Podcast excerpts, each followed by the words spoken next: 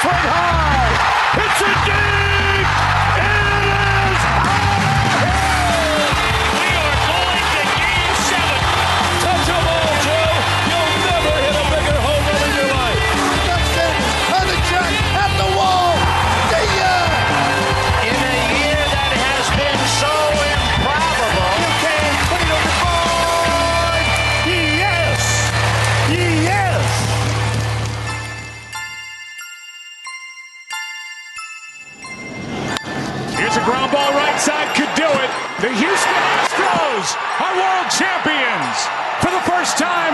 franchise history. Ja, we zijn aangekomen bij het einde van de rit wat betreft de playoff-reeks van de Just a Bit Outside podcast. En we mogen natuurlijk de Houston Astros bij deze feliciteren met het winnen van de World Series. Vandaag blikken we nog even kort terug op de eindoverwinning van Houston. En dat doen we ditmaal eindelijk eens met een echte volle bak. Namelijk met nou ja, mezelf, Justin Kevenaar, maar ook met Jasper Roos, Hey, goedemorgen. met Mike van Dijk Hoi Justin. en Lionel Stuten. Hey. En daarmee beginnen we maar meteen met onze terugblik op deze World Series.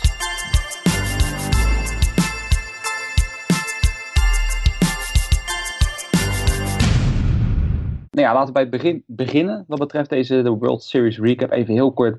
Bij elke wedstrijd eh, ja, even erbij stilstaan. Wat was daar bijzonder aan? Was het een kantelpunt? Ja of nee? Ik denk dat we over het algemeen wel over, eh, duidelijk over kunnen zijn. Het was heel erg een soort pingpong-achtige series. Ging heen en weer. Laten we maar bij het begin beginnen, eh, Jasper. En dan geef ik die als eerste aan jou. Game 1.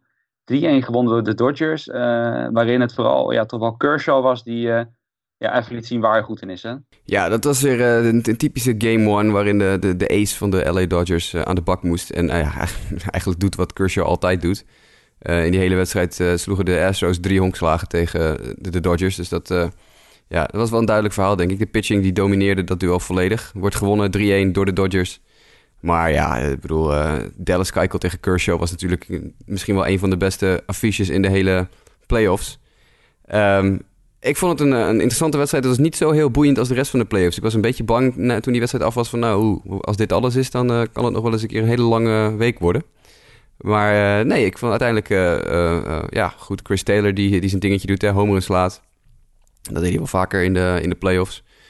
Eh, Justin Turner die natuurlijk eh, zijn, zijn ding deed. Die overigens in de rest van de playoffs wat eh, naar beneden stortte wat betreft zijn performance. Maar het was alles bij elkaar gewoon een, een degelijke wedstrijd van de Dodgers. Goede pitching van Kershaw, goede pitching van Kenley Jensen aan het eind van de rit. En ja, wat kan je er meer van zeggen? 3-1 3-1 Dodgers, 1-0 voor. Nou ja, je ziet hier eigenlijk wel een beetje dat, dat zo'n game 1 vaak nog een beetje een voortzetting is van de, van de, de, de championship series. Hè? Het is wat je zegt, Taylor was goed, Turner was goed, Alex Bregman was goed bij, eh, bij Houston. Allemaal jongens die zeg maar in die, in die championship series ook tegen het einde op hun hoogtepunt zaten. En dan, dan lijkt het alsof dat voortgezet wordt in zo'n game 1. Dat is wat mij hier heel erg aan opviel. Ja. Nou ja, wat het is vooral wel, ik moet zeggen, dat sentiment van, van Jasper, dat heb ik dan ook een beetje. Maar dat is altijd een beetje sowieso het onzekere wat je aan het begin van een series hebt van... eh, dat je denkt van, oh jee, eh, wat als die Astros offense nou continu eh, wordt geneutraliseerd door de Dodgers? Ja, dan, dan krijg je inderdaad zo'n zo'n series die misschien wel in een, een clean sweep kan eindigen en dergelijke. Nou goed, gelukkig, we weten natuurlijk allemaal, is het niet zo gelopen. Maar ja, afgaat op game 1 was natuurlijk ook heel erg gewoon de kwaliteit van Clayton Kershaw. Die daarin gewoon de doorslag heeft in een, ja, wat ook opvallend was, heel warm avondje. Ja, 40 graden was het. Ja, daar moet je er niet aan denken, man. een, met, met de In play-offs, hè, oktober, ja. ja, met de afgelopen jaren vooral eh, best wel vaak in steden gespeeld waar het, eh, hè, dan zat je vaak toch al met regen en dat het flink koud was. Maar ja, met eh, Houston en met name met LA aan het begin, dat was wat dat betreft twee, eh, twee warme locaties die dat wel, eh, dat wel hielpen. Meestal aan de noordoostkant of aan de noordkant hebben dan mensen dik ingepakt zitten op de tribune en dergelijke. En dat was dit keer inderdaad niet het geval. Maar dat had ook wel zijn, eh, zijn invloed op, eh, op de home runs. Ik bedoel, we hebben drie home runs in de eerste wedstrijd eh, dan gehad. Eh, de bal vliegt gewoon goed met warm weer. En ik vond het in die zin wel opvallend. Je zei net ook, Justin, gaf je aan, van ja, Houston en zijn offense. Juist bij deze wedstrijd, als ze dan weer ja, uiteindelijk één run scoren, dan heb je toch vragen met hoe goed is Houston nou steeds buiten de deur in hun uitwedstrijden. Want die offense Ja. liet daar steeds toch wel steekjes vallen. Ja, nou ja, het is inderdaad grappig dat je dat, je meteen, eh, dat, je dat zegt. Want dan kan je natuurlijk meteen een bruggetje maken naar wedstrijd 2. Waar ze wel eh, ja, min of meer een beetje antwoord gaven op die, op die vraag. Kunnen ze dan uit wel wat produceren? En kunnen ze uit wel wel winnen. Want ja, toen wonnen ze nipt. Uh, dan zal ik die meteen maar jou geven, Mike. Ik, ik zie Jasper schreef op onze website een instant classic. Die zijn met 7-6 wonnen na 11 innings. En nou ja, daar lieten ze, het was wat laat dat ze op gang kwamen, maar ze lieten zien dat de offense het toch wel kon. Zeker, ja, en voor mij spreekt hier ook in de, hoeveel punten de bullpen in deze wedstrijden in ieder geval opgaven. Uh, want daar ga ik het zo meteen ook nog verder over hebben. Maar ja, uh, als je dan inderdaad uh, in game 2 gelijk antwoord geeft met, met 14 hits en, en 7 runs, ja, dan laat je zien dat het, dat het dus blijkbaar wel kan. maar ja, het was gewoon, ja, je ziet in dit soort wedstrijden dat Houston offensief gewoon in staat is om, om gevaarlijk te zijn en echt, echt schade aan te richten. En ja, weet je, Verlander gooide dan voor, voor Houston ik, ja, voor mij is deze man deze, deze postseason gewoon ja, echt de sterkste man geweest uh, uh, voor de Houston Astros. Die trade, ja, dat zet ze gewoon uh, zo goed in het zadel. En niet eens dat hij dan eigenlijk de, de overwinning hier heeft binnengehaald. Want ja, uiteindelijk hebben ze extra innings ervoor nodig. Maar je ziet wel dat hij een verschil maakt in die, in die starting rotation voor hun in, in de playoffs. Hij was echt, hij was echt de, de, de move van dit jaar. Als je het hebt over mid-season trades, teams die zichzelf versterken rondom de deadline en je kan natuurlijk zeggen, natuurlijk, de Yankees uh, versterkten zich uh, met, met een aantal spelers... Waar, die ook wel belangrijk zijn geweest in de playoffs natuurlijk. Met Robertson en Canely, die goede dingen hebben laten zien. Uh, er zijn er nog wel een paar moves geweest waar je denkt van... nou ja, dat heeft in ieder geval iets gedaan. Maar de move van dit jaar is geweest... Houston Astros halen Verlander op uit Detroit. Want dit is, zonder, zonder hem halen ze dit gewoon niet. Je kon gewoon goed zien hier ook, want daar tegenover had natuurlijk uh, Los Angeles wat Hugh Darvish gehaald. En daar zullen we het zo nog wel over hebben. Maar daar kon je het goed aan afmeten wat nou het verschil was tussen hoe de ene move is uitgepakt en hoe de andere uiteindelijk uitpakt. Hè? In ieder geval in die World Series zelf. Ja, ja. Nou ja dat, dat, dat, dat, zeker. Ja. En wat, uh, wat Jasper zegt, ik kan me herinneren toen destijds uh, rond de trade deadline. ik ben er was met name Jasper heel sterk kritisch op de Astros. Dat ze te weinig hadden gedaan. Daar waren we het allemaal toch wel over eens dat ze toch te veel probeerden te teren op wat ze nu hadden. Ja, uiteindelijk toen toch de beslissing gemaakt om Verlander te halen. En inderdaad, uh, bekijken we het bigger picture. Ja, dan is dat toch wel cruciaal geweest sowieso dat ze zover kwamen. En dat ze hem uiteindelijk ook, uh, ook winnen. Dat, uh, dat, dat geeft aan hoe belangrijk dat is geweest. En verder ook, dat, dat lees ik dan hier nog in de recap die Jasper had, had geschreven. Was het ook wel opvallend dat de Dodgers waren, was het, 98 en 0. Wanneer ze na acht innings een leiding hadden. dat was ook na inclusief de playoffs. Nou ja, daar kwam toen dus, uh, dus een einde aan. Dat Kenley Jensen stond erbij toch sterfelijk is. Ja, dat was wel, uh, wel even jammer. En wat me ook erg bijstaat, dat, dat los van die wedstrijd, was dat hele spektakel van tevoren met Vince Scully. Waaruit je toch wel duidelijk kon zien, nou ja, we zijn toch wel degelijk in, in Hollywood. Ja. Dat betreft, dat, uh, ik, ik, ik zat te kijken, ik, ik zat die wedstrijd terug te kijken en ik, aan de ene kant, normaal skip ik dat begin altijd, maar ik dacht, ik blijf eens even kijken. En ik geloof dat we uiteindelijk een half uur verder waren voordat de, de first pitch uiteindelijk werd, werd gegooid. Ik vond het zo fantastisch. Ik heb zo, zo genoten van Scully, jongen. Echt. Ik vind dat sowieso echt al een, echt een icoon. Ik weet dat er heel veel mensen zijn die, die iets hebben van wat zit opa daar nou weer te doen. Maar ik vind echt, uh, Scully is echt een legende. En wat die deed, hoe die dat deed, weer in zijn eigen, inderdaad, uh, beetje een rare manier van toneelspelen. En, en, en overduidelijke... Zijn eigen show Ja, precies. Ja. Echt, ja, heel erg zijn eigen dingetje doen. Ik vond dat echt fantastisch. Maar dat was wel een ontzettende energizer in dat stadion. Ja. Althans, je merkt ook iedereen, uh, je hebt dan wel gelijk iedereen op de banken staan en, en het was super mooi om, uh, om te zien. Dus wat dat betreft dacht je wel van oké, okay, game one gewonnen. Uh, ik weet niet of er van tevoren over nagedacht was om dit allemaal zo te scripten. Maar dan heb je wel gelijk zoiets van als Houston Astros, oké, okay, we moeten vandaag wel ons, ons beste spelletje spelen. Want anders dan gaan we in ieder geval met een 2-0 achterstand naar Houston. Ja, nou, dat, wil je, dat wil je sowieso niet inderdaad. Dat, wat dat betreft vond ik het wel interessant dat ze de, op het allerlaatste moment natuurlijk uh, inderdaad Kenley Jensen toch even aanpakken nog. Uh, ik geloof dat de, scoreless streak van de Dodgers bullpen op 28,1 innings stond in de playoffs. Dat is natuurlijk gigantisch. Uh, en dan kom je tegen de beste closer in de Major League en dan krijg je het ineens voor elkaar. Marvin Gonzalez, die, die een twee, twee slag cutter over de hekken parkeerde. Uh, dat is echt dat is zo'n moment dat je dacht, dat, dan weet je, dan zit je te kijken, dit is het breekpunt in de wedstrijd. Nu gaat het de andere kant op. Want dat, dat is een klap die, die je op zo'n moment als team op dat moment niet meer te boven komt. Misschien de dag daarna, maar in die wedstrijd is het dan gewoon afgelopen. Ja, nou, goed, je zei het al, je wilde natuurlijk nog niet met een 0-2 terug naar huis. Het werd dus 1-1 dat ze naar huis gingen. Uh, komen de Houston in het eigen Minute Maid Park te spelen, waar ze super sterk zijn. En dan komt Hugh Darvish namens de Dodgers. En dan zijn toch de verwachtingen hoog gespannen natuurlijk. Het was ja, toch een van de moves die ze hadden gemaakt die ze naar de World Series uh, moesten brengen, Lionel. Maar uh, ja, Hugh Darvish kon niet brengen wat er gebracht moest worden. En de Astros winnen met 5-3. En dat kwam ja, grotendeels door de runs die Darvish al snel opgaf. Ja, dat was slecht hè, Darvish. Als je achteraf terugkijkt, dat moment wat Jasper net noemt met Marvin Gonzalez. En ook deze game 3, de opening van die game, is denk ik voor mij dat, dat blokje, het einde game 2, begin game 3, is wel een, een cruciaal punt in heel deze World Series geweest. Hè? Ik voel trouwens Gonzalez in deze wedstrijd ook heel goed. Ehm, ik denk dat, dat voor, als je kijkt achteraf nu naar de hele World Series, dat dit stukje toch wel heel erg bepalend is geweest voor het uiteindelijke verloop. Ja. Nou ja, het is inderdaad wat je zegt. Hè. Ik bedoel, ze slaan dan toen het einde van game 2 en dan in game 3 sta je meteen. Uh, en wat betreft Hugh Darvish kan je misschien nog wel zeggen dat deze start ook niet bepaald heeft geholpen in een start die dan later nog, uh, later nog zo volgt. Ja, het is toch een, een goede klap die ze geven. En ja, goed, ze lieten daarmee zien hè, dat, ze, dat ze thuis wel degelijk hè, ook meteen dat, dat gevoel geven aan de tegenstander van, nou ja, hè, iedereen is weg telkens van, hè, Houston is thuis ijzersterk, uh, produceren veel runs, zijn moeilijk te verslaan daar. Ja, en dat maak je meteen even duidelijk in de tweede inning van, hey, hier valt dus echt niks te halen. Ja, dat is wel een, uh, een fikse klap, alleen richting Darvish, maar ook richting de Dodgers. Ja, absoluut. Het leek ook wel alsof de, de gehele organisatie van de Dodgers, inclusief Dave Roberts, gewoon een beetje van slachten van raakte. Want ook de beslissingen die ze daarna gingen nemen, niet alleen in deze wedstrijd, maar ook later, waren niet dezelfde beslissingen die ze in de wedstrijden daarvoor namen. Dat viel mij heel erg op in ieder geval. Ja, dit was ook echt de eerste wedstrijd, vond ik, waarvan je duidelijk kon zien dat de Astros defense, die het hele jaar heel goed gespeeld heeft, die kwam echt, eh, echt heel goed voor de dag in die wedstrijd hoor. Echt, uh, meerdere goede plays gemaakt. Bregman, die een fantastische defensieve World Series heeft staan spelen. Echt geweldig. Sowieso een ontzettend goede World Series heeft staan spelen. Ja, nee, ja inderdaad. Maar er, er, kwam echt niks langs bij. Dat is een stofzuiger op drie zo ongeveer. En uh, Yasiel Puig, die natuurlijk nog op een gegeven moment even een beetje helpt door in een uh, toot plan te rennen. En uh, thrown out on the basis like an income poop. Een van mijn favoriete acroniemen in, in honkbalanalyse. Uh, maar toch wel echt fantastische defense gespeeld door Houston in die wedstrijd. Achter Lance McCullers, die, uh, die ook best wel even uh, een momentje besproken mag worden. Ja, nou ja, zeker. Ik bedoel, dat is sowieso het aparte. Hè? Ik bedoel, dat stond ook in de recap die op onze site stond. Van opvallend verschil inderdaad qua hoe ze de bullpen gebruikten. Roberts, die nou ja, elke twee werpers na een tijdje een nieuw iemand erin leek te gooien.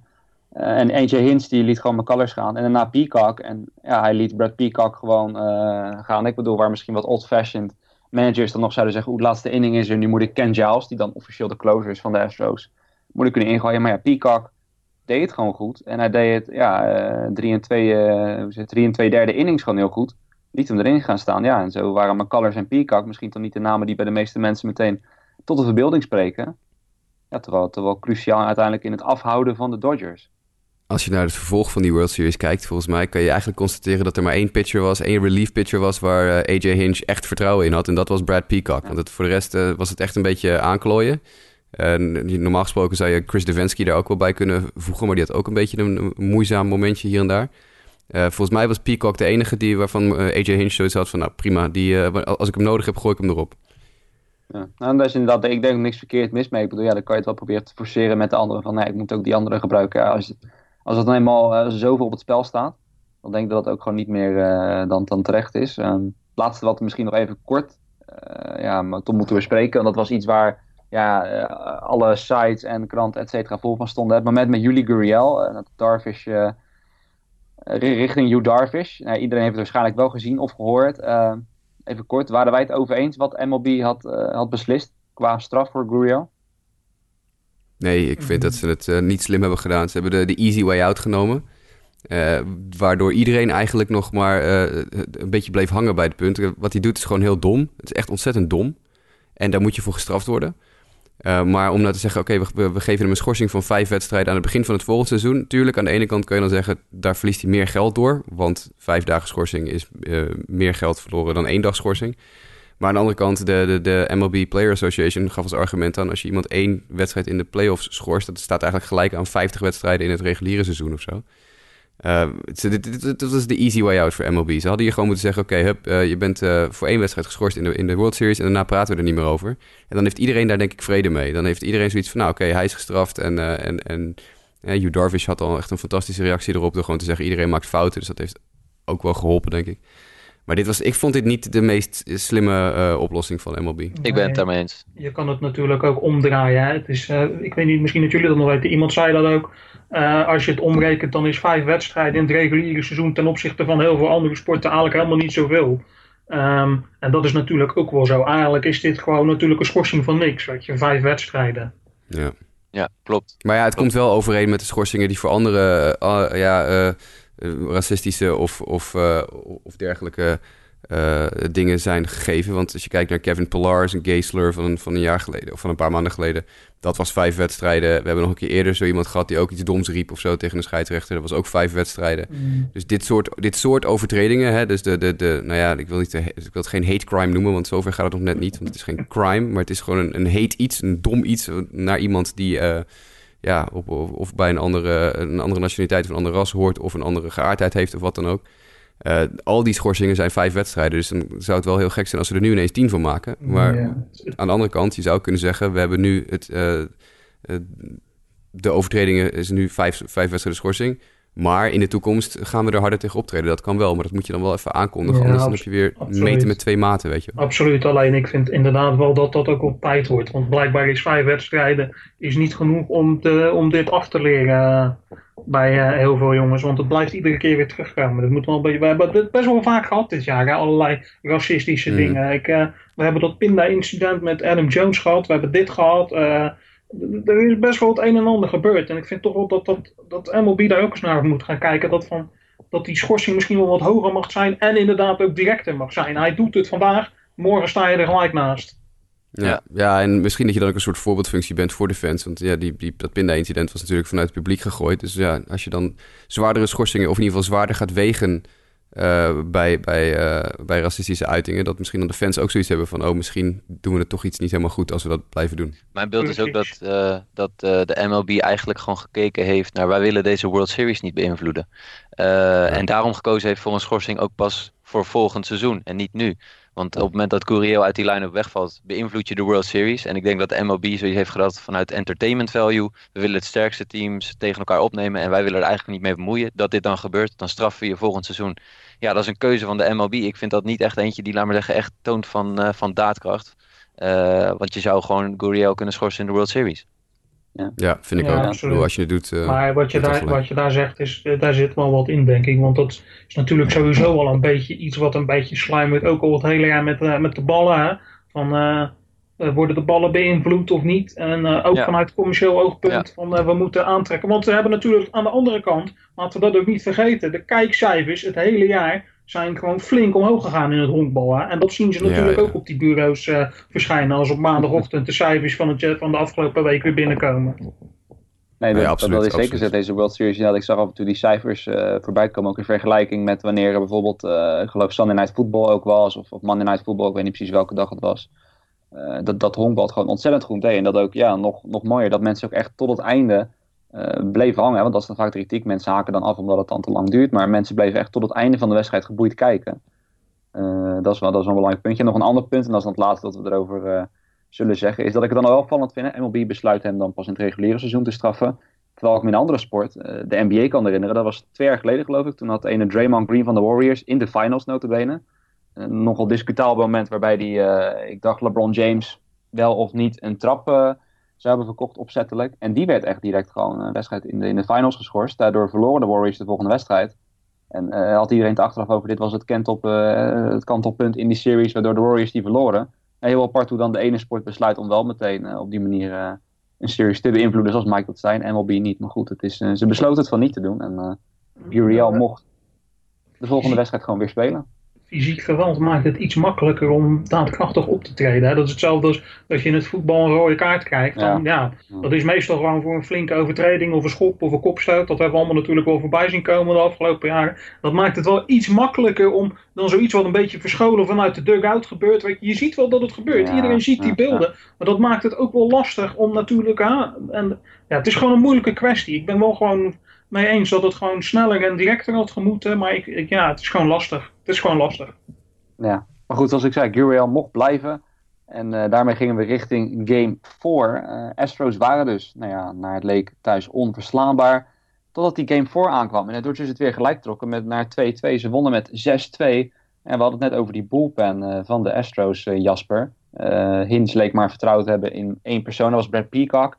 Hier moest hij het vertrouwen geven aan Ken Giles. En dat liep niet helemaal goed af. Hè? Nee, dit is uh, precies wat we besproken hebben in de, in de playoff preview show. Dat we besproken hebben in de World Series preview show.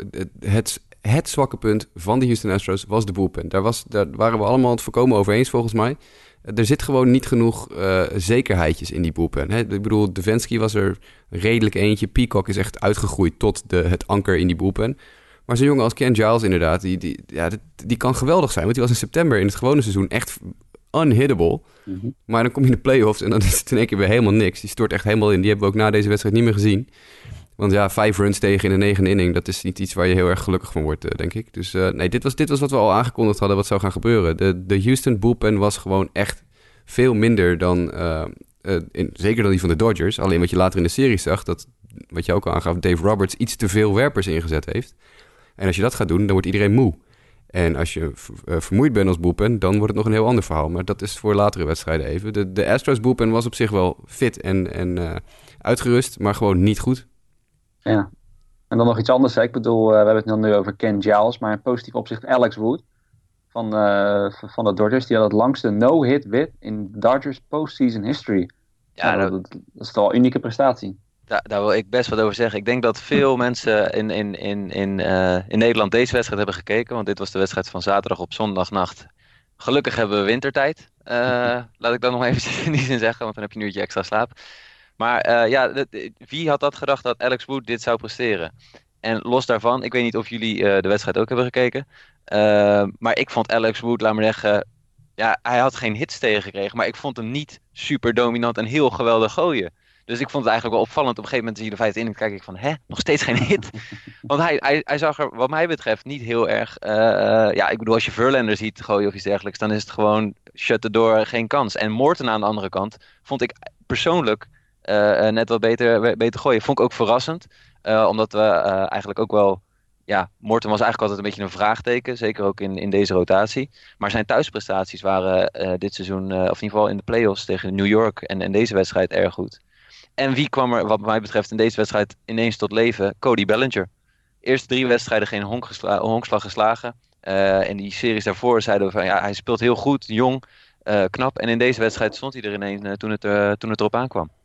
Ja. ja, was ook gelijk het laatste wat we van hem gezien hebben in de playoffs. Ja, ja, ja, dat is wel waar. Dat is wel waar. maar ja. Dat ja, ik kan het zeggen. Het meeste ja, Jock Peterson, hè? Ja, Jock Peterson, daar nou, meestal van Bellinger inderdaad, wil ik nog even kort toevoegen bij staat, is uh, dat vooral het vele swingen naar curveballs inside. Uh, dat was na een ja. tijdje een ding van, uh, dat, dat, iemand geloof ik op Twitter postte van, make sure you find someone who loves you as much as Bellinger loves to swing at curveballs inside.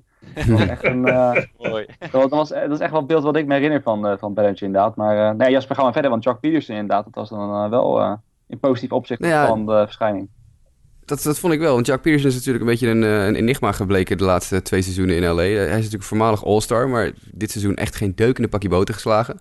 Teruggestuurd naar AAA op een gegeven moment zelfs. Nou, dat is natuurlijk, een paar jaar geleden hadden we dat zeker met de prospect en minor league uh, watchers nooit gedacht. Want dat was, hij was een van de top power hitters in de minors een paar seizoenen achter elkaar.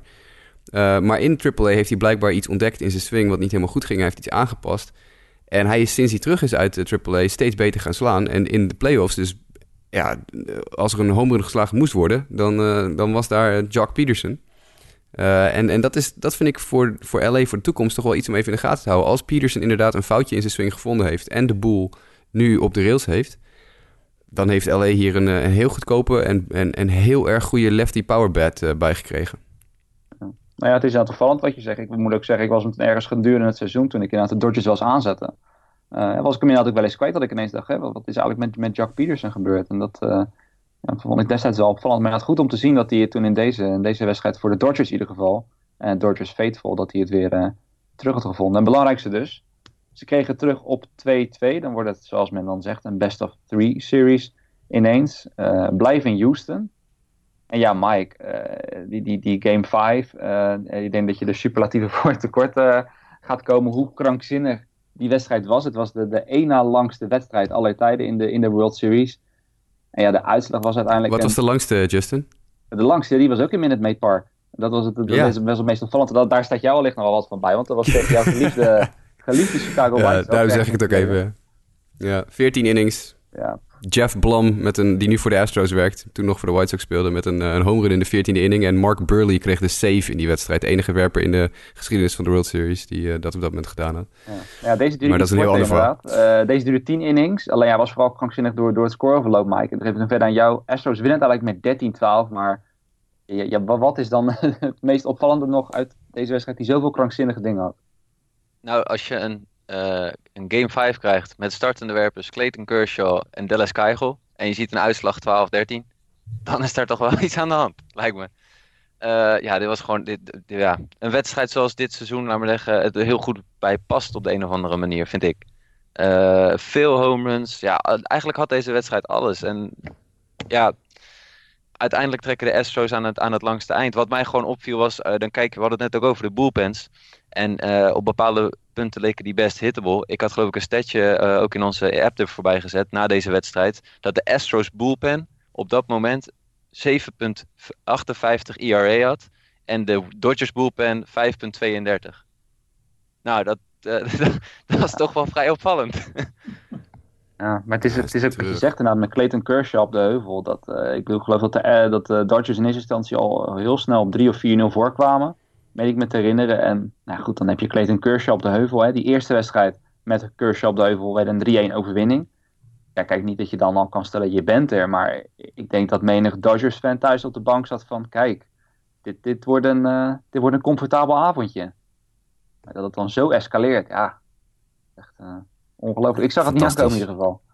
Nou, het is een fantastische wedstrijd. Dit, moet je gewoon af en toe ook tussen hebben zitten. Weet je wel? Na die 5-1, 5-3, 6-1 wedstrijdjes. Dit gewoon, je moet gewoon een keer knot, knotsgekke 10 innings, 13, 12, 28 hits. Maakt het allemaal uit, joh. Dat, is, dat moet je gewoon af en toe een keer tussen hebben. Dat je echt denkt dat je zit te kijken. Ik zag die wedstrijd toen te kijken. Ik, ik viel er een beetje laat in. Ik had een paar uur geslapen. En ik ben een halverwege zesde, zevende inning ben ik er, uh, erin gevallen. En toen stond het uh, 7-7. Toen ik begin kijken.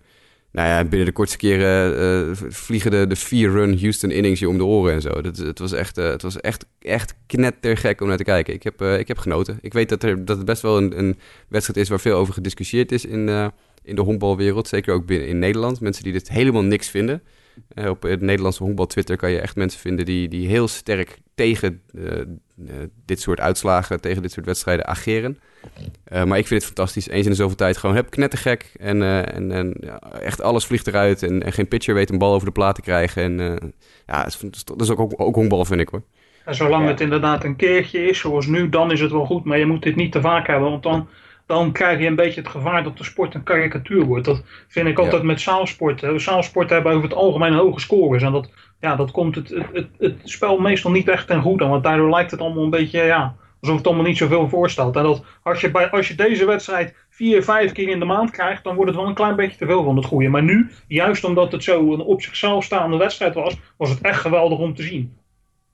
Ja, ja dat is het ook. Ik bedoel, want vooral als je dan naar die vorige wedstrijd kijkt, waarin deze twee werpers tegenover elkaar stonden, toen werd het maar 3-1. Uh, ja, nu krijg je nou dan een totale andere, andere uiterste. En uh, nou ja, ik moet zeggen, ik was in ieder geval wel heel erg jaloers op de mensen die daar in het stadion zaten. Toevallig was ik vorig jaar zelf in Houston rond deze tijd. Uh, toen kwamen de Astros helaas niet zo ver. Nou, laat ik zeggen, als ik er dit jaar was geweest, dan had ik wel geweten, dat ik er alles aan gedaan om een wedstrijd mee te krijgen. Nou, stel je voor dat je hier, hierbij, als, vooral als thuisfan, namens Houston niet bij was geweest. Nou, dan heb je echt, ik denk, ja, denk je de avond, avond van je leven gehad, durf, durf ik ja. wel te stellen. Maar, en, en nee, Brandon Morrow, zullen we daar nog even bij stilstaan? Want die kwam, de, de sterke reliever van LA, komt in de mm -hmm. wedstrijd, gooit zes pitches. Eerste pitch is een home run van George Springer. De vierde pitch is een home run. De zesde pitch is een home run, noem maar op. Uh, nee, dat is niet helemaal waar trouwens. Springer en Correa sloegen home runs en uh, Altuve sloeg een RBI double tussen, tussendoor. Dus in zes pitches uh, was dat echt, nou dat is ongelooflijk. Dat, dat, dat heb ik niet eerder meegemaakt nog. Zal ik jullie wat grappigs vertellen? Hij staat bovenaan het lijstje bij de Reds om binnen te halen. En als je dit hoort, dan snap ik wel waarom. Sign hem up. Ja, ik moet zeggen, Brandon Morrow, dat, dat is ook om een of andere reden, als ik aan de reliefwerpen de, denk, die de Dodgers hebben ingezet, ze hebben er heel veel ingezet, maar het staat me echt bij dat ik Morrow, geloof ik, echt elke wedstrijd uh, uh, voorbij zag komen. Dat was echt, uh, nou ja, maakt niet uit welke game je aanzette. ineens was Brandon Morrow daar, daar ergens. Ja, dat is de, de tweede werper in de geschiedenis die alle zeven World Series wedstrijden gegooid oh, heeft. Nee, precies. Uiteindelijk al, alle zeven zelfs, dat, dat, dat, wist ik dan zelf niet. Maar dat was inderdaad, ja, zet een wedstrijd op en ergens halfweg komt Brandon Morrow uh, terecht. Ergens dan snap ik het wel, want hij was tijdens het reguliere seizoen, uh, voor zover ik weet, gewoon heel betrouwbaar. Ja. Uh, je had alleen naar dit kunnen zeggen, nou moet je dat vertrouwen dan wel houden. Want of het dan vermoeidheid is of gewoon dat hij het even niet meer heeft. En vooral in zo'n korte series ja, kan, het, kan het gewoon dodelijk zijn. En dat bleek in deze wedstrijd. Want ja, al die runs, dat bleek hem uiteindelijk toch te beslissen. Maar goed, de Astros. Ja, het is natuurlijk, het is, er is een reden voor natuurlijk dat je, dat je, dit, dat je niet uh, in de World Series in principe een werper ziet die in zeven wedstrijden gooit. Ja. Want dit, is gewoon, dit was toen al, al meerdere wedstrijden achter elkaar, meerdere innings achter elkaar. En natuurlijk, het is wel een voormalig starter, Brandon Morrow. Hij moet het wel kunnen. Alleen, bedoel, er is ook een reden voor dat hij reliever geworden is. Hij, hij ja. ja was gewoon blessuregevoelig en ja, had die, die rust gewoon meer nodig. Nou ja, als je hem dan zoveel wedstrijden achter elkaar inzet... Ik bedoel, de, de, de, tweede, hij was de tweede werper in de geschiedenis. De laatste was, was de, uh, Daryl Knowles in, uh, uit 1973. Oh, we hebben dus echt in, in, in, in 40 jaar dat niet meer meegemaakt. Nou, daar is natuurlijk een reden voor. Dus het, het, ik vond dat echt ook weer heel erg... Uh, ik, ik ben wel kritisch op Dave Roberts ook in deze World Series. En dit vond ik een van zijn, een van zijn grotere fouten. Ja, absoluut. En dat normaal iemand die toch veel geprezen is in het verleden ook, omdat hij toch wat, wat alternatieve strategieën erop nou houdt, die in sommige gevallen goed leken te werken. Maar in dit geval kan je inderdaad je vraagtekens erbij zetten scheelt het in ieder geval dat nou ja, in wedstrijd 6 uh, ging de series terug naar LA. En Lionel, je zei het net, uh, het, is dan goed zo'n uh, wedstrijd met heel veel punten, maar als het maar niet te vaak gebeurt. Ja, wat dat betreft werd je verzoek dan in wedstrijd 6 gehonoreerd, want dat werd gewoon een hele kleine 3-1 voor de Dodgers. ja, waarin Verlander supergoed begon, maar het niet af kon maken.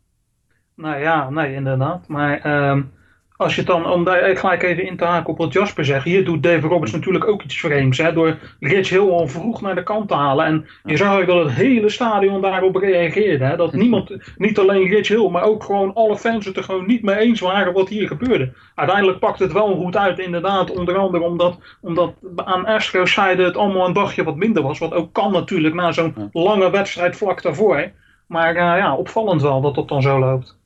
Dat kost hem zijn kop, hè, trouwens, Roberts, als ze die wedstrijd verliezen. Dat, uh, dat is, voor mij is dat grond voor ontslag. Ja, als je, absoluut. Als je, absoluut. Die, die, beslissing en je verliest dan die wedstrijd, dan ben je klaar. Ja, Zeker bij een club als LA. Absoluut, absoluut. Ik, uh, ik zat er ook met stijgende verbazing naar te kijken. Nou is het natuurlijk wel uh, inmiddels wel bekend dat ik een, een aardige Rich Hill adept ben. Maar ik zat daar wel met... Ik denk, wat ga jij nou doen? Wat doe jij nou? Het gaat toch prima zo? Waarom moet je nu, stond, nu al die wissel inbrengen? Had je? Wat, dat is het. Hij stond hartstikke goed te gooien, Hill. En, en dan is er ook nog het statistiekje dat ook in het, in het wedstrijdverslag stond. Rich Hill, de derde keer door een line-up in een wedstrijd, slaan ze 158 tegen hem. Ja, dat bedoel ik. Dat wist dus ik ineens. Waar normaal gesproken werpers uh, natuurlijk, hè, hoe vaker je een werper ziet, hoe, hoe, makkelijker je in principe zijn pitches gaat zien. En werpers worden vermoeid verderop in een wedstrijd. Dus over het algemeen stijgen gemiddeldes. En, en dan heb je het over slaggemiddelde, maar ook over OBP en ook over OPS en zo. Die stijgen natuurlijk een klein beetje gemiddeld in de wedstrijd. En de beste werpers zorgen ervoor dat die, die stijging een heel, heel kleine stijging is. Dat het telkens maar een heel klein beetje uh, makkelijker wordt om tegen je te slaan. Rich Hill is de omgekeerde. Die wordt gewoon hoe naarmate de wedstrijd vordert, wordt hij moeilijker om te raken door, door, uh, door slagmensen. 158. En hij wordt gewoon uit de wedstrijd gehaald voordat hij die derde keer door de, door de slaglijst kan. Ja, maar, het is dan, dan... het is, in game 2 wordt hij ook na vier innings eruit gehaald.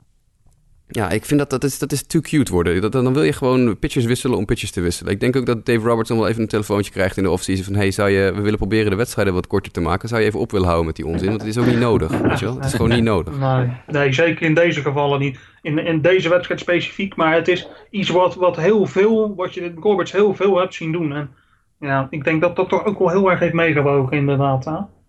Ja, maar goed, uiteindelijk krijgt hij wel zijn gelijk, kan je dus stellen. Want ze, ze, winnen met 3-1. Uh, daarmee, uh, ja, Justin Verlander niet als winnaar van het veld. Terwijl uh, vele Astros, en ik weet ook jij Mike, waren hoopvol dat Verlander zou gaan clinchen in deze, in deze zesde wedstrijd. Maar het kwam niet zo ver. En kijk, ergens is dat dan wel mooi. Want dan, dan leidt het toch wel tot het ja, Valhalla onder World Series fenomenen. Een Game 7. Ik bedoel, wie wil dat niet? We hebben het vorig jaar al gehad nu een tweede jaar op rij. Dat is natuurlijk dan een, uh, een geweldig toetje wat we dan krijgen. Jasper, nou goed, en daarin beslissen de Astros het winnen in LA met 5-1. En ik denk, in ieder geval wat voor mij het meeste bijstaat, maar ik weet niet waar jij mee wil beginnen, is dat Hugh Darvish, de, de high-priced acquisition, het gewoon weer niet weet te brengen. Ja, dat is inderdaad waar ik mee wilde beginnen. Ik zat te twijfelen of ik misschien met... Uh... Uh, met, met Charlie Morton uh, zijn relief appearance moest beginnen. Maar nee, laten we met Darvish beginnen. Die inderdaad klappen krijgt. Vijf runs tegen in de eerste uh, twee innings. en het allerbelangrijkste in die situatie is denk ik dat... Ehm, het, het, werd al even door Alex Rodriguez gezegd op Twitter tijdens de wedstrijd... dat hij dacht dat Hugh Darvish zijn pitches aan het tippen was... Daar is nog uh, Eduardo Rodriguez is daar later nog een keer overheen gegaan. En uh, die heeft gezegd dat het inderdaad zo is. En er is geanalyseerd wat het was. En het is nu het is overduidelijk. Als je het ziet, dan is het meteen ook, denk je van ja, dat, dan had ik ook uh, een honkslag kunnen slaan tegen Hugh Darvish. Op het moment dat Darvish een curveball of een slider gooit, zijn rechterarm, waar hij dus de bal mee in de handschoen vast heeft als hij vlak voordat hij een pitch gooit, dan staat zijn rechterarm een klein beetje naar buiten te wijzen. Gooit hij een fastball, dan wijst de arm recht naar beneden. Nou, het kan haast niet anders dan dat de Astros dat of in die eerste start van, van Darvish in de playoffs of al veel eerder gezien hebben. Want ze raakten hem natuurlijk ook in die eerste start in de, in de World Series raakten ze hem vrij stevig. Uh, het kan haast niet anders dan dat iemand bij de Astros, en het, naar, naar verluid is het Carlos Beltran, maar ja, dat zou natuurlijk ook wel logisch zijn, de, de absolute veteraan in dat team die, die, die, die, die dat soort dingen natuurlijk ziet. Maar je kon heel duidelijk zien, gooit hij een curve of een slider, staat zijn arm naar buiten, gooit hij een fastball, staat zijn arm naar beneden. En als je dat eenmaal weet, dan, is het, dan, kan, je, dan kan je nog zo goed zijn. Darvish is normaal gesproken natuurlijk echt hartstikke goed. Maar als je dat soort dingen doet, dan, ja, dan kan mijn oma zelfs nog een honkslag slaan tegen je. Dus dat is... Dat vond ik echt het, het allerbelangrijkste moment. Ook het feit dat niemand in de Dodgers-organisatie na die eerste start al blijkbaar de noodzaak heeft gevoeld om eens na te gaan denken van... hé, hey, misschien moeten we even kijken wat er met Darvish aan de hand is. Of is er, tipt hij zijn pitches niet, want hij wordt zo hard geraakt. Dus onbegrijpelijk dat hij die tweede start dat nog steeds deed. Ja, ik vind ik, dat exact wat jij zegt valt me dan heel erg op. Want op dag 1, of uh, in game 3 zegt Darvish na de wedstrijd... ja, je kan een keer een slechte dag hebben. Ja, uh, weet je, dat, dat, dat overkomt iedereen. Nou ja, nu heeft hij dan twee slechte dagen. Maar gegeven hoeveel geld er in die organisatie is gepompt en hoeveel uh, uh, statheads en sabermetricians, laten we zeggen, allemaal rondlopen bij de Dodgers, verwacht je toch dat ze dan naar zoiets wel zouden kijken? Ze analyseren echt alles. alles. Ja, precies. Alles. Hoe mis je dit dan? Ja, dat begrijp ik ook niet. Ja, het is heel erg uh, opvallend inderdaad. Maar goed, wat mij betreft, je zei het net, Charlie Morton is dan de andere kant van het verhaal. Ik bedoel, uh, Darvish valt vies tegen. Daar komen die Astros op die voorsprong die uiteindelijk dan al genoeg blijkt te zijn. Ja, en McCullers, die dus die wedstrijd start, die ook helemaal niet goed was eigenlijk. Maar dankzij uh, het feit dat Darvish nog veel slechter was, lijkt, lijkt het ineens of McCullers best wel goed bezig was. Maar laten we niet vergeten, hij, hij, raakt vier slagmensen in, in 2,5, 3 innings of zo. Dus dat is, het kwam echt allemaal op Charlie Morton neer in relief en dat was fantastisch. Ja, nou, ik zag het, die hadden, er stond in de recap ook, Charlie Morton had sinds 2008 niet meer als reliever gespeeld dan, dan zou je zeggen van hè, AJ Hinch, is dit geen onverantwoord risico wat je neemt op het allerhoogste podium in Game 7 van de World Series. Maar ja, ik, Ik, dit is niet de Charlie Morton die ik kende, zeg maar. Van zijn tijd bij de Pirates en dergelijke, wauw. Dat klopt. Eh, dus je had natuurlijk even Brad Peacock zat er nog even tussenin. Die, die relieved de McCullers even. Maar ja. die had al 140 pitches gegooid in de laatste negen dagen. Want die had in, ook in vier eh, World Series wedstrijden gegooid. Dus dat was, dat was ook, die kon ook niet zo super lang door. En dan zag je het, het voordeel van een, een, jongen als Charlie Morton uit de, de boelpen halen. We hebben Morton al een keer besproken, volgens mij in de preseason helemaal. Dat zijn fastball de laatste twee, drie jaar zo ontzettend veel harder is. Uh, hij stond harder dan ooit te gooien in zijn carrière. Hij gooide gewoon 98 mijl per uur fastballs, uh, Charlie Morton in relief. Zo hard heeft hij nog nooit gegooid. Dus ja, dat is, dat is fantastisch. Die, die, dat is een move die, die, die zo goed uitpakte voor AJ Hinch... dat die man zich echt onsterfelijk heeft gemaakt daar. Bij, uh, zowel hij als Charlie Morton, denk ik. Ja, dat is dan misschien een beetje het magische ook van de World Series natuurlijk. Hè? Dat het natuurlijk, het zijn ook de namen die je vaak hoort die, die, die, belangrijk zijn. Maar dat dan ook dit soort jongens ineens, uh, waarvan je het niet verwacht. Al helemaal niet. Stel dat je een jaar geleden tegen me had gezegd dat, dat Charlie Morton uiteindelijk in een Game 7 van de World Series een wedstrijd zou clinchen. Nou ja, dan, dan zou je denk ik voor gek verklaard worden. Want hè, Charlie Morton... Nou, ik, ik weet het niet. Nee? Kijk, wat, nee, wat het, nou ja, op zich een jaar geleden. Naar, als, nee, als je puur naar de naam Charlie Morton kijkt wel. Maar als je kijkt naar de situatie en je hm. plakt er geen naam op. Juist in Game 7 in de World Series, alles of niets, is het ultieme podium om zo'n soort move te doen. Want je hebt daarvoor en daarna heb je niks meer. Dus je, je kan dit, op dit moment kan je dit doen. Je gaat dit niet zeg maar uh, op een wedstrijd op een zaterdagmiddag in mei doen, want dat slaat nergens op. Maar juist omdat het deze wedstrijd is, kan je deze move maken. En het gaat dan nu om Charlie Morton, maar dit, je kan hier natuurlijk uh, honderden pitches op plakken die, die een hele andere rol hebben normaal gesproken, die dit zouden kunnen gaan doen. En dat is wel, zeg maar, dit, dit moment was daar gewoon voor om dit te doen. En dat het zo goed uitpakt, dat maakt het bijzonder. Ja, nou ja, precies. En goed, uiteindelijk wil je zeggen, het, pakt goed uit voor de Astros.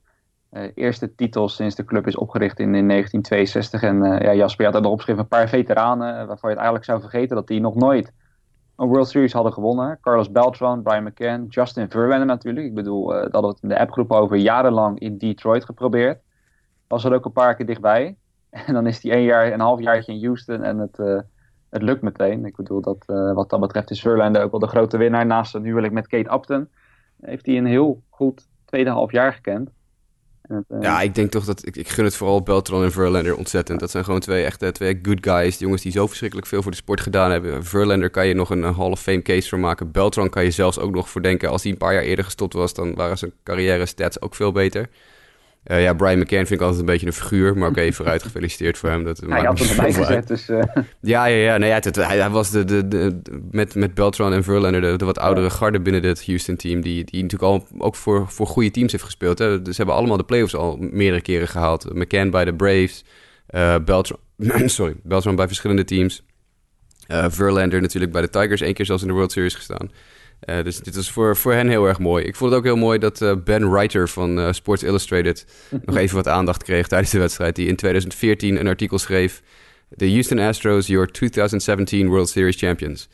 En eh, dat is, dat is een, eh, een, een staaltje advanced analytics waar ik echt mijn pet heel erg voor afneem. Want als je drie jaar van tevoren al de World Series eh, kampioen kan voorspellen, die op dat moment nog geen winnend seizoen heeft gedraaid in de laatste tien jaar, dan heb je ergens iets heel erg goed gedaan. Dus, eh, Ja, het mooie is dan ook dat uit, uitgerekend de World Series MVP dan ook nog eens om het af te maken hè, op de cover daarvan stond. Ja, Een swingende George. Springer die daar dan op staat, die dan toen al voor het grote publiek nog een, een grote onbekende was. op het moment dat hij toen doorkwam in de, in de, in de organisatie. Dat is iets. Ik denk dat meneer Ben Reiter, mocht hij ooit nog een nieuwe, een nieuwe job moeten zoeken of zo, eh, zei het in de honkbaljournalistiek of iets dergelijks.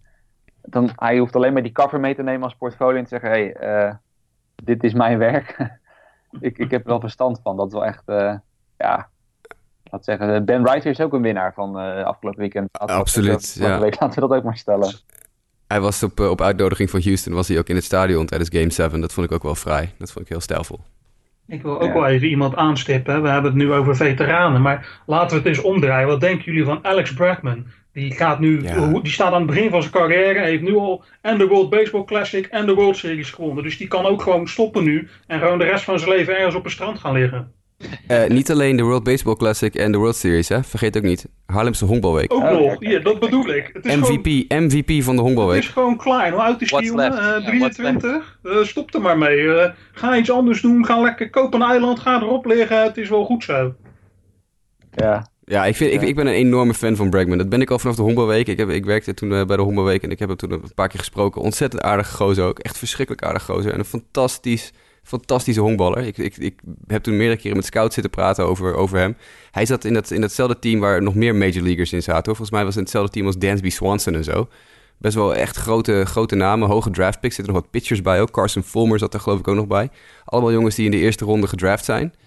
Eh, maar Bregman sprong er voor mij echt, eh, echt bovenuit. Echt, het, was, het was een fantastische speler. En, en ik heb, heb hem altijd gevolgd. En ik vind het echt fantastisch dat hij zo goed heeft lopen spelen in de World Series. Want dit is, eh, dit is een jongen waar ik de komende tien jaar hoop eh, ja, heel veel van te genieten. Ja, mooi. ja dat is inderdaad, maar dat is inderdaad de andere kant van het verhaal wat je terecht zegt. Ik bedoel, zo heb je ook jongens als een, een Carlos Correa en dergelijke. Gewoon super jonge gasten die dan al meteen een, een, een World Series winnen. Terwijl bijvoorbeeld de Carlos Beltran, die hem nu eindelijk dan ook wint.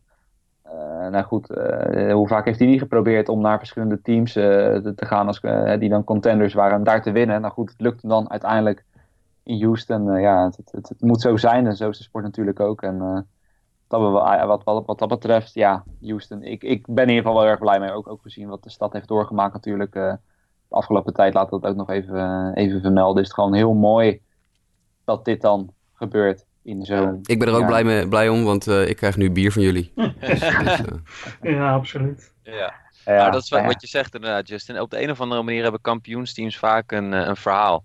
En, eh, en in dit geval dan met die, met die orkaan eh, die over Houston is gegaan, Harvey. Ja, vanaf dat moment weet je, heb je wel zoiets van... oké, dit team is wel bezig met iets speciaals. Echt een, een missie voor de stad. En eh, ik weet niet of dat, laat maar zeggen, het verschil is geweest... wat, eh, wat hun eh, net wat meer... ja, dat ze met wat meer spirit hebben gespeeld dan Los Angeles. Maar het, het, het is wel mooi eh, hoe dat verhaal dan op deze manier eh, ja, geschreven is nu.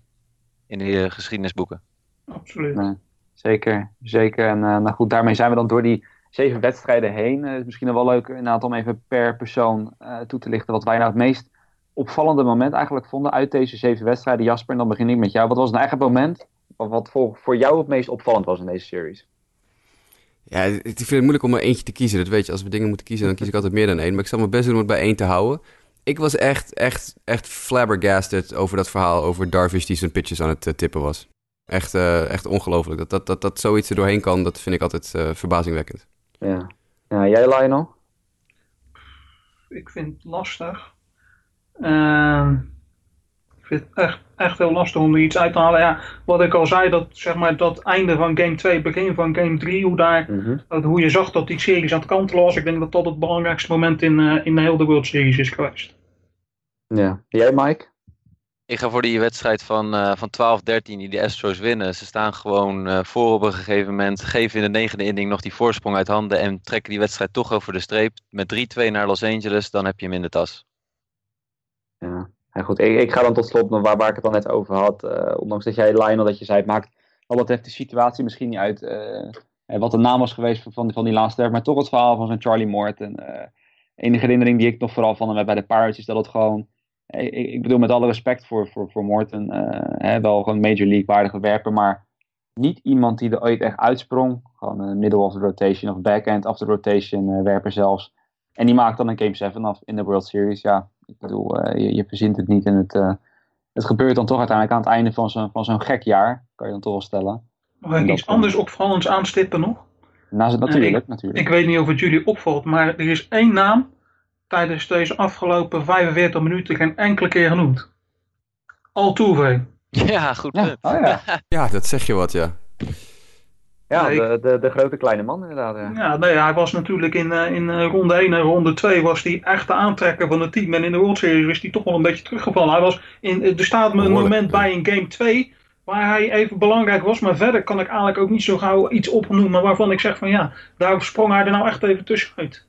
Nou, sterker nog, ik heb eh, tijdens de laatste twee wedstrijden van de World Series, s'nachts uh, toen ik zat te kijken, toch een aantal behoorlijk uh, kritische tweets verstuurd ook over, uh, over Altuve.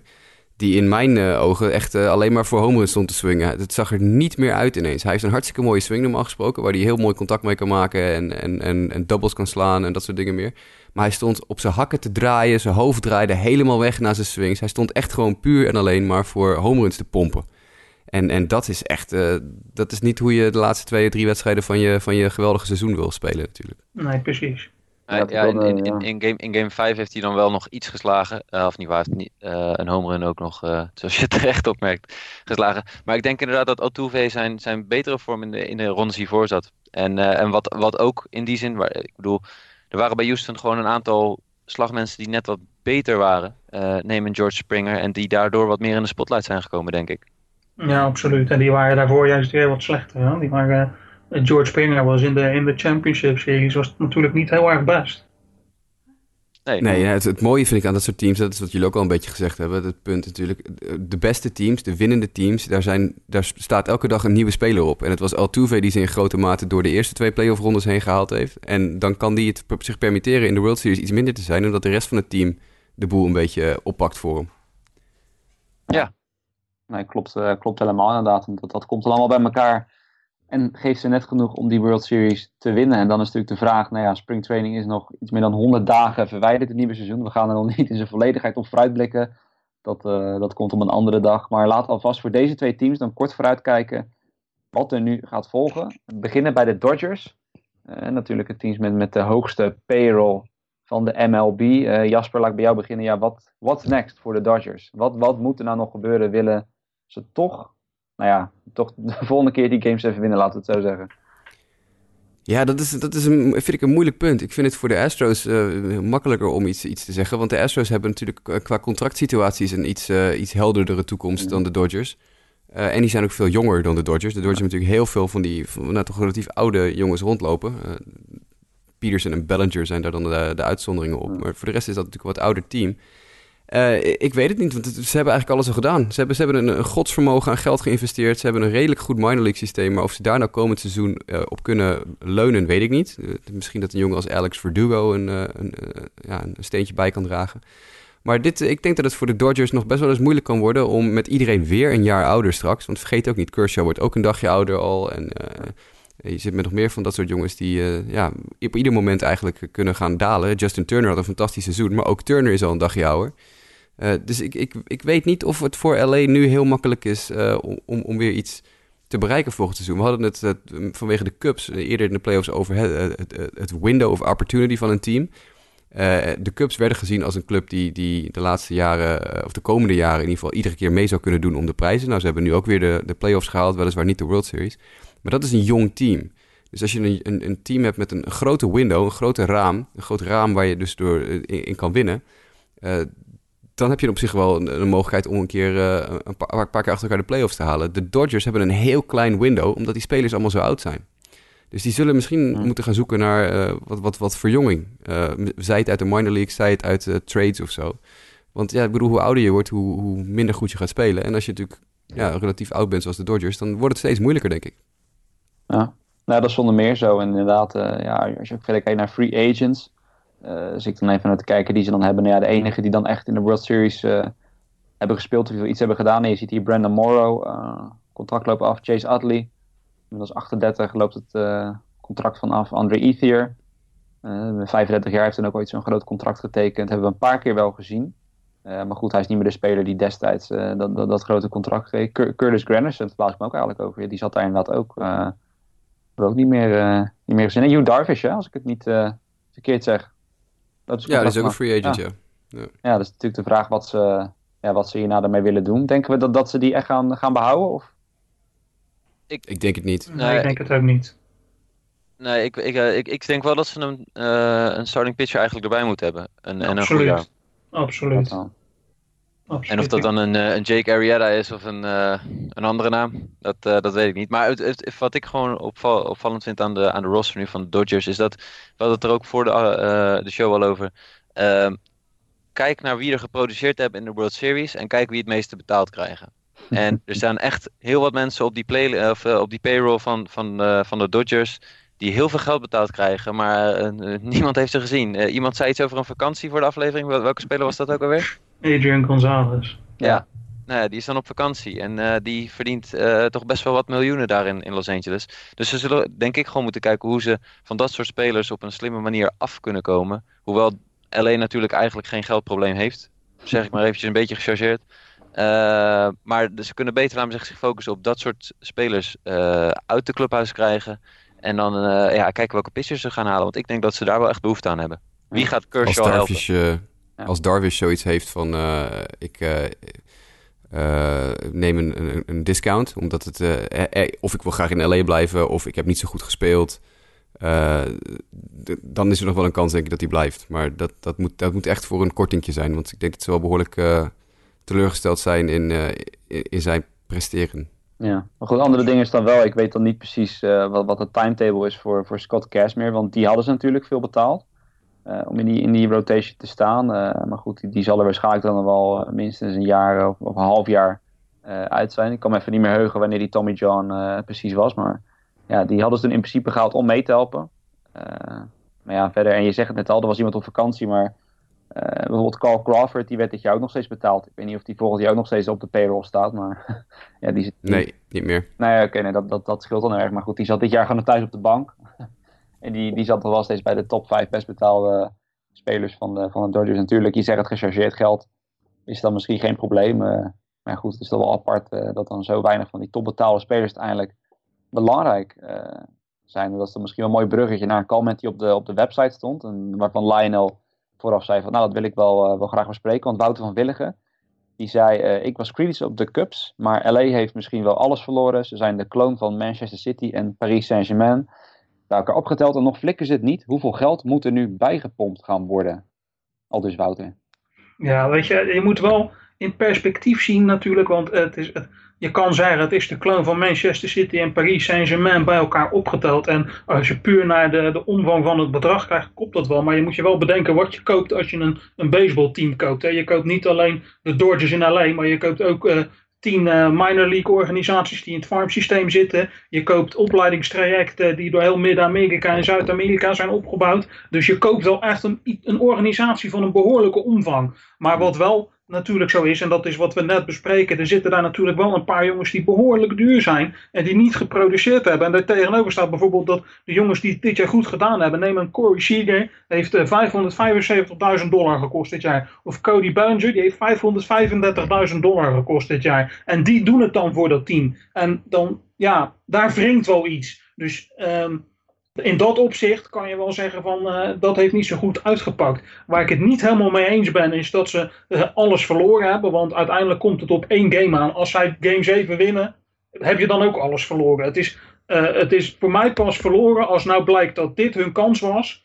En nou volgend jaar, het jaar erop, het jaar daarna kunnen ze niet meer terug naar die World Series komen en hem alsnog winnen. Als dat blijkt, dus dat het nu inderdaad, omdat het een wat ouder team is en er niet goed gehandeld wordt en de boel stort in elkaar, dan hebben zij inderdaad zwaar gefaald voor het geld dat zij betaald hebben.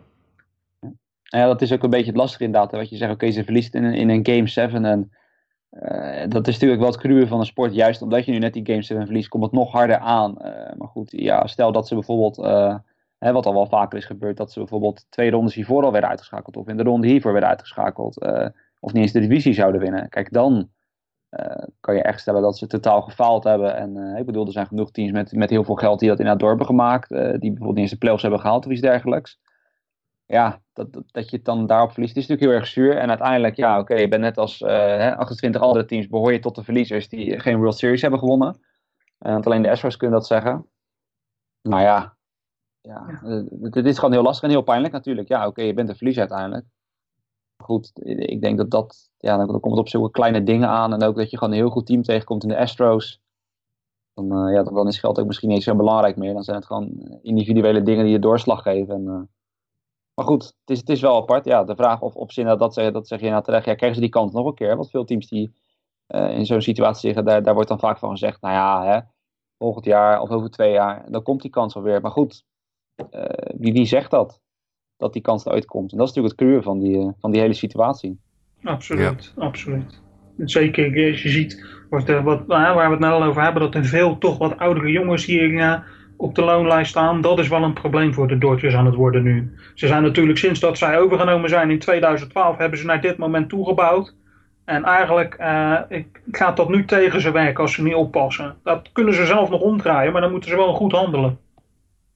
Ja, maar goed, dat is inderdaad iets, uh, iets voor de toekomst. Want daarmee zijn we eigenlijk uh, aan het einde gekomen van deze World Series recap. Er zei iemand nog eens, die zegt van dit is nog dringend iets wat gezegd moet worden over deze World Series. Maar we hebben denk ik al met al alles wel besproken. En we zeiden het net al een beetje. Ik bedoel, we gaan nog niet het volgende seizoen bespreken. Dat komt nog in latere afleveringen sowieso. zit het ook in onze planning. Maar dan moeten we nog even bekijken om ook nog een beetje een season wrap-up te doen. Waarin we ook nog andere teams, andere spelers even, even, even kort benoemen. opvallende dingen eruit halen. Hè, dingen die tegenvielen, zaken die juist opvielen in positieve zin. Gaan we allemaal erbij pakken. En dan uh, gaan we dat nog eens in zijn algemeenheid uh, bespreken. Maar in ieder geval, ja, het reguliere seizoen, de playoffs, het zit er allemaal op.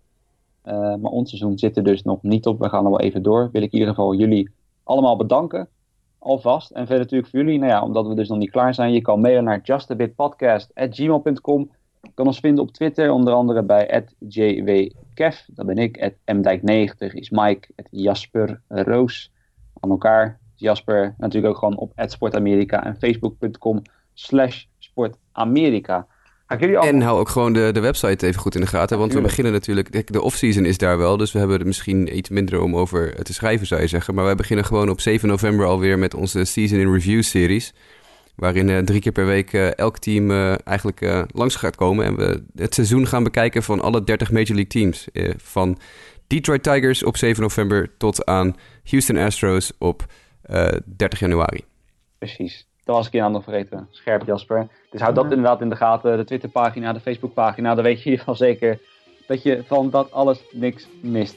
Jullie allemaal bedankt. Ook de mensen weer bedankt voor het luisteren. En dan zien we jullie graag weer tot de volgende keer.